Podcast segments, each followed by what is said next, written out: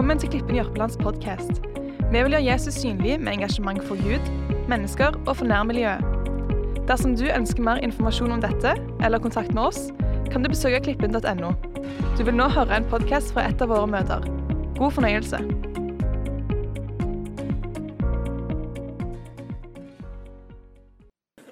Det er bra. Håper du har eh, forventning til eh, 2019.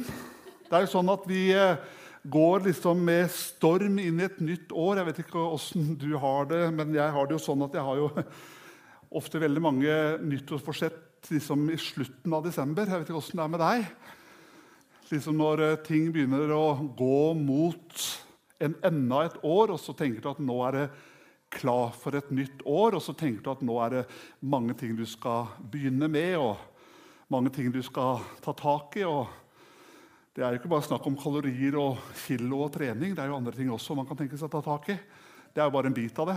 Jeg har aldri skjønt helt hvorfor begynner å slanke seg i januar. Aldri skjønt det helt.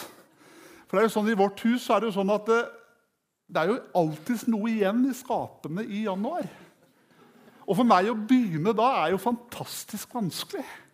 Å vite det at jeg har masse i skapet som jeg har handla før jul, som jeg skulle spist opp før nyttårsaften og første nyttårsdag, det syns jeg er vanskelig.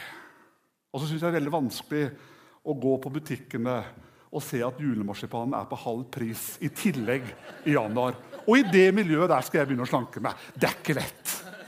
Men det er helt nødvendig. Hele kirken, menigheten i Guds nærhet, er eh, tema, det man satt for uh, møtet i dag. Og jeg har lyst til å lese et par, et skriftsteder.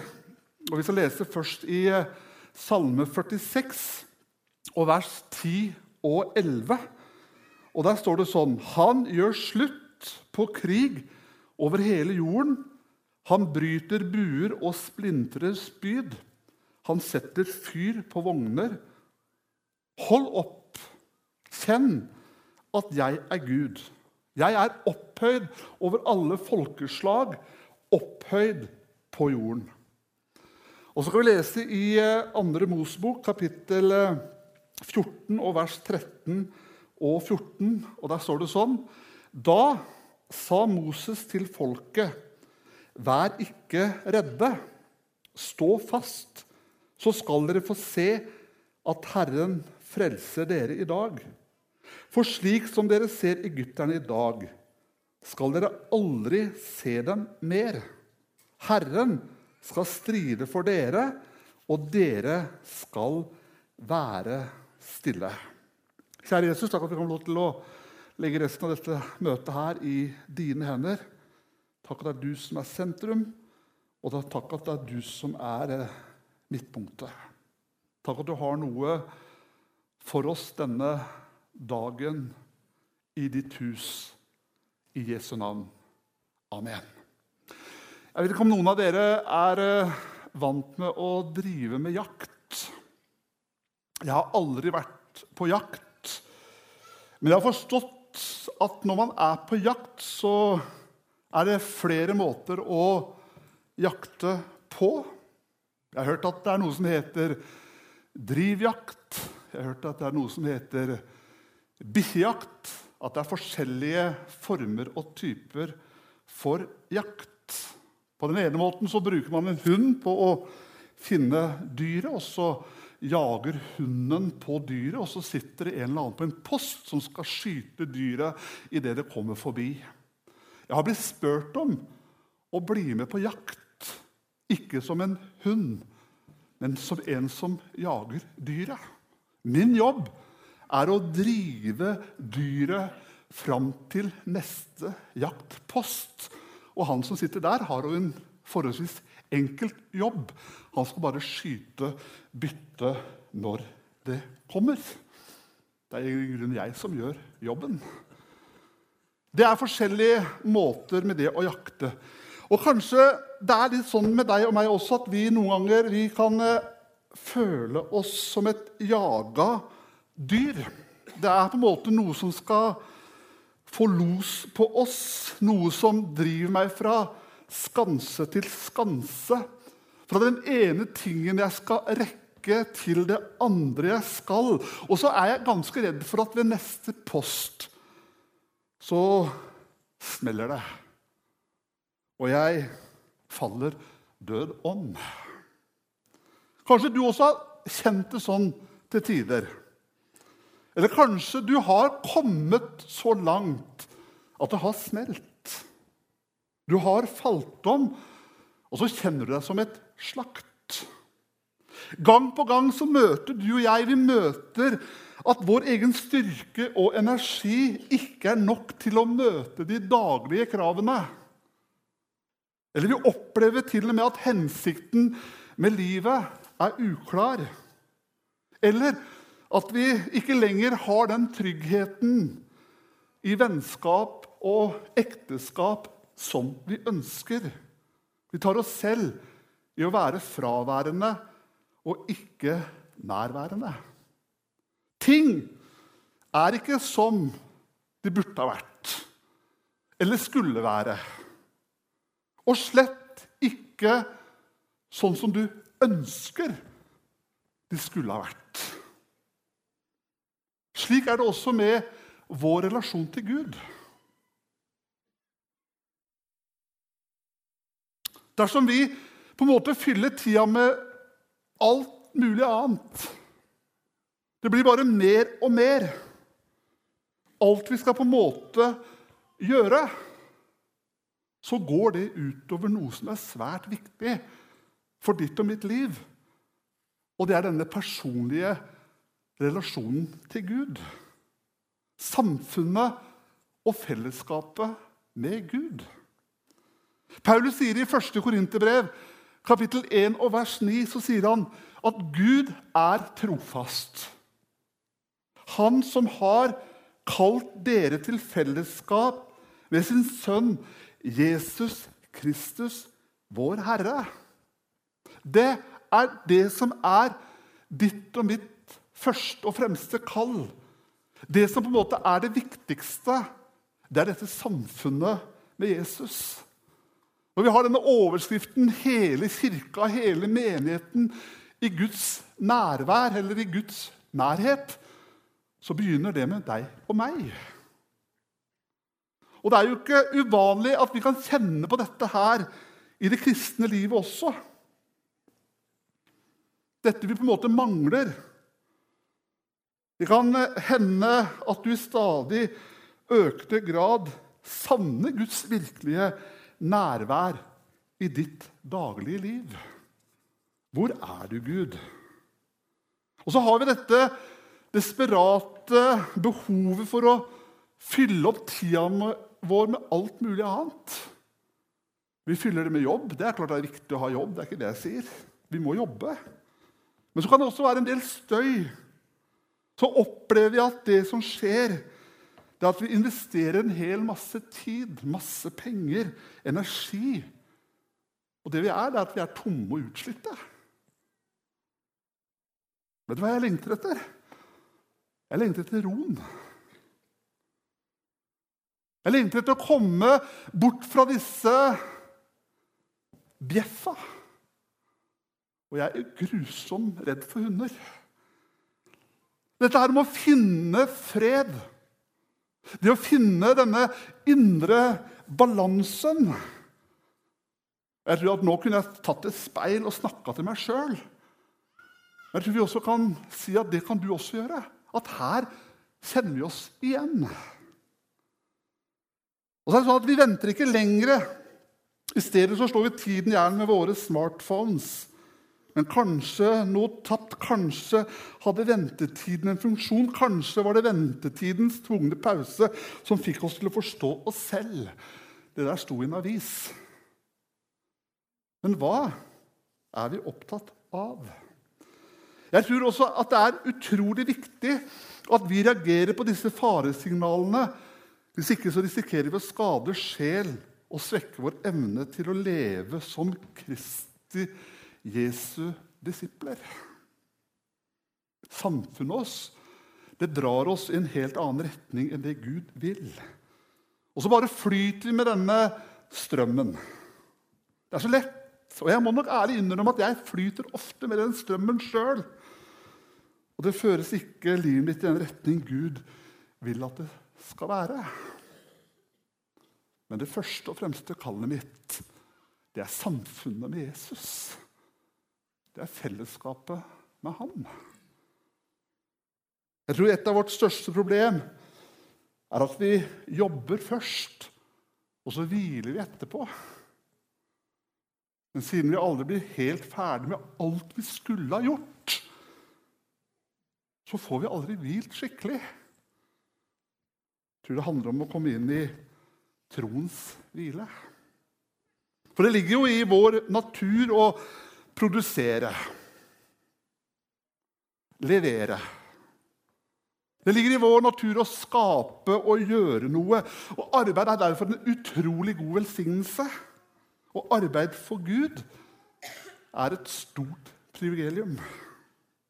Men Gud han skapte oss til en rytme mellom hvile og arbeid. Som begynte med ikke arbeid, men som begynte med hvilen. Som begynte med hvilen, nåden og gudsnærværet. Og det Gud kaller oss til, det Gud kaller meg til, det er å finne denne rytmen mellom arbeid og hvile. Ikke først og fremst at vi hviler fra arbeidet, men at vi arbeider fra hvilen. Og hvilen i Gud.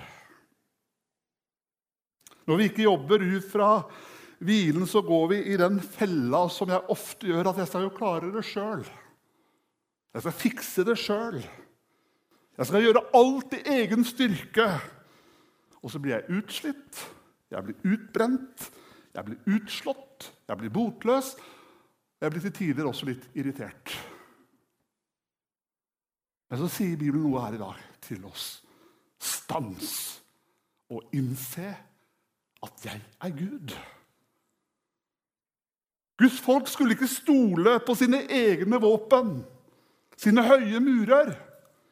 Men de skulle stole på Gud. Å bli stille og vente det er egentlig et sterkt uttrykk for tillit til Gud.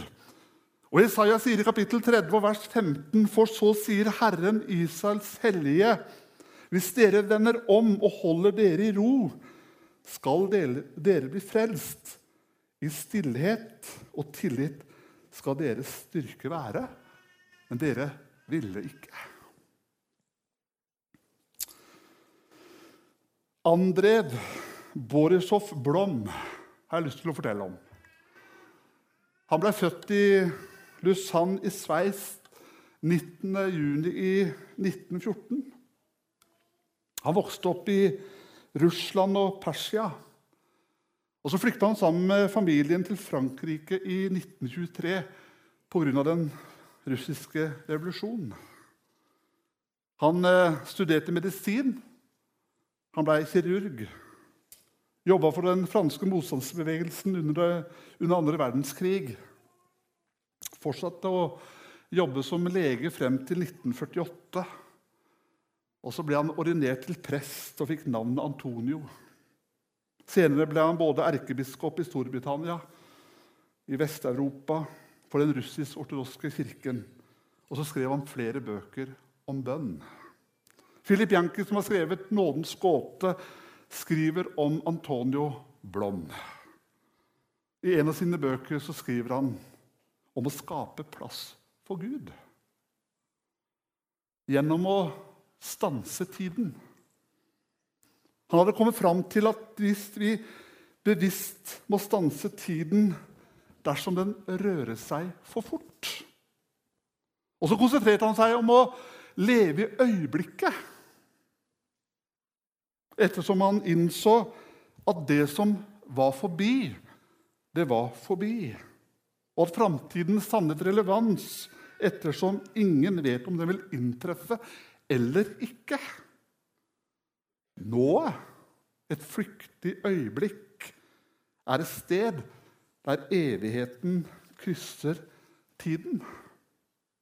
Og På visse tidspunkt i løpet av dagen så stoppa denne Antonio Blom opp og sa, 'Jeg setter meg ned.' Og så gjør jeg ingenting. Jeg kommer ikke til å gjøre noe som helst de neste fem minuttene. Og så er jeg her i Guds nærvær. I mitt eget nærvær og i det nærværet som utgjøres av møblene rundt meg, som står stille og ikke går noen vei. Og så oppdaga Blom, Antonio Blom i sin store overraskelse at verden faktisk kunne vente i fem minutter. Mens du ennå ikke var opptatt med den. Og så lærte han at oppgaver som normalt ville fylle tankene hans, kunne stenges av i to eller fem eller ti minutter. Og faktum var at han utførte disse oppgavene roligere og raskere etter pausene. Rett og slett ved å stanse tida. Og så lærte han seg å begynne hver eneste dag med ro og stillhet. Og tenke på at selve dagen var en gave fra Gud. Noe som han aldri hadde opplevd tidligere. Denne sjansen til å begynne på nytt. Og så bredte den seg framfor ham som en stor åker med urørt snø, som i hans barndoms Russland. Og så siterte han salmen 'Dette er dagen som Herren har gjort'. Dette er dagen som Herren har gjort. La oss fryde oss og glede oss på den. Han ba om å få gå inn i den dagen som Guds budbærer og bære med seg Guds nærvær til alle han møtte.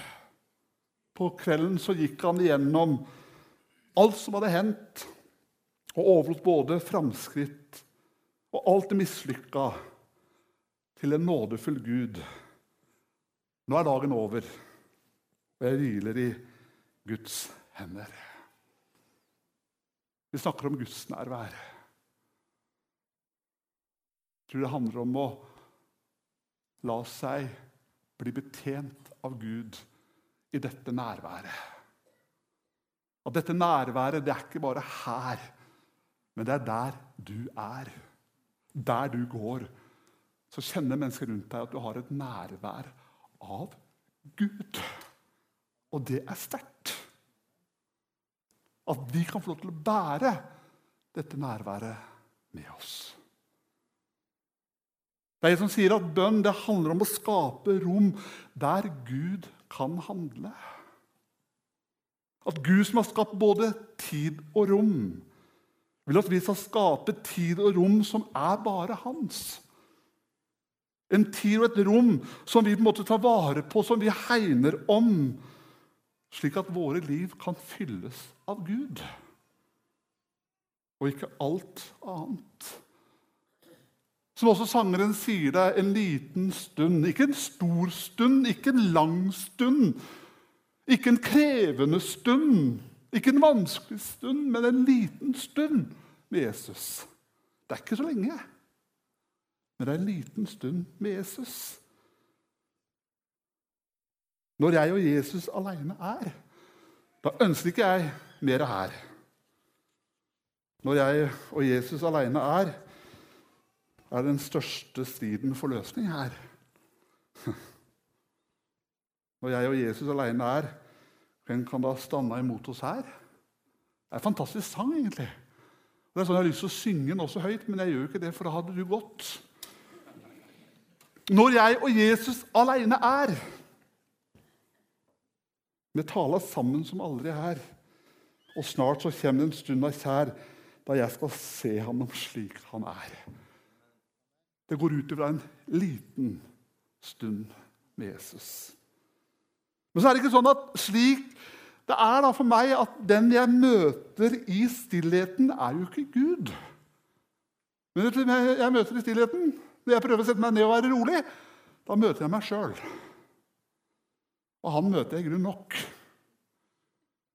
Han er jeg til tider utrolig lei av. Jeg har så lyst til å møte Gud. Men det der møter er meg. Med det jeg har. Og så møter jeg alle de andre. Det neste jeg møter, er også kona mi. Vi deler samme seng og deler kontor. Vi er mye sammen. Hun heller har lyst til å møte deg. Men så møter jeg Gud. Jeg må rydde vekk problemet. Nei, det hørtes veldig fælt ut. liksom. Men så møter jeg Gud. Derfor er det så viktig hele tiden å minne seg selv på at hensikten med stillheten er å fokusere på Jesus. Og bare ham. For det er bare i dette nådens lys at vi våger å komme fram med våre synder. Det er bare i denne atmosfæren av helbredelse som er hos Jesus, at vi våger å vise fram våre sår. Og bare ved et tydelig fokus på Kristus så blir vi i stand til å gi slipp på alt dette som svekker oss og ødelegger oss. Ensomhet er ikke et privat, terapeutisk sted. Snarere så er det et sted for omvendelse. Stedet hvor vårt gamle jeg dør, og det nye jeget blir født. Stedet for den nye mann og nye kvinnes opprinnelse. Vi lever, og vi er kalt til å leve et dobbeltliv. Jesus sier i Johannes kapittel 15, vers 4 og 5.: Bli i meg, så blir jeg i dere. Slik som grenen ikke kan bære frukt av seg selv, men bare hvis den blir på vintreet. Slik kan heller ikke dere bære frukt hvis dere ikke blir i meg. Jeg er vintreet, dere er grenene. Den som blir i meg og jeg i ham, bærer mye frukt, for uten meg kan dere ingenting gjøre. Så vi er åndelige vesener. Vi har en iboende egenskap. Den egenskap at de kan bo i hverandre uten at den ene eller den andre opphører å være helt og fullt seg selv. Sønnen er i Faderen, Faderen er i Sønnen. Vi er i Han, han er i oss. Å være et åndelig vesen er jo nettopp å ha denne iboende egenskapen. Det er å ha del i guddommelig natur, et guddommelig mysterium. Det er å ha en dobbel bevissthet om at prosjektet er å leve i tiden, leve nå og være sentrert om evigheten. Å være i verden, men ikke av verden. Dersom vi bearbeider denne kombinerte bevissthet om tid og evighet, så vil vi ha et indre liv med fred og et ytre liv i tjeneste. Livet er ikke en serie meningsløse hendelser, men det er en arena der vi lever ut en annen verdens vilje, og det er himmelrikets vilje. Det å ha en dobbel bevissthet om at tid og evighet At det er i dette øyeblikket at evigheten krysser tiden. Å være i verden, men ikke av verden.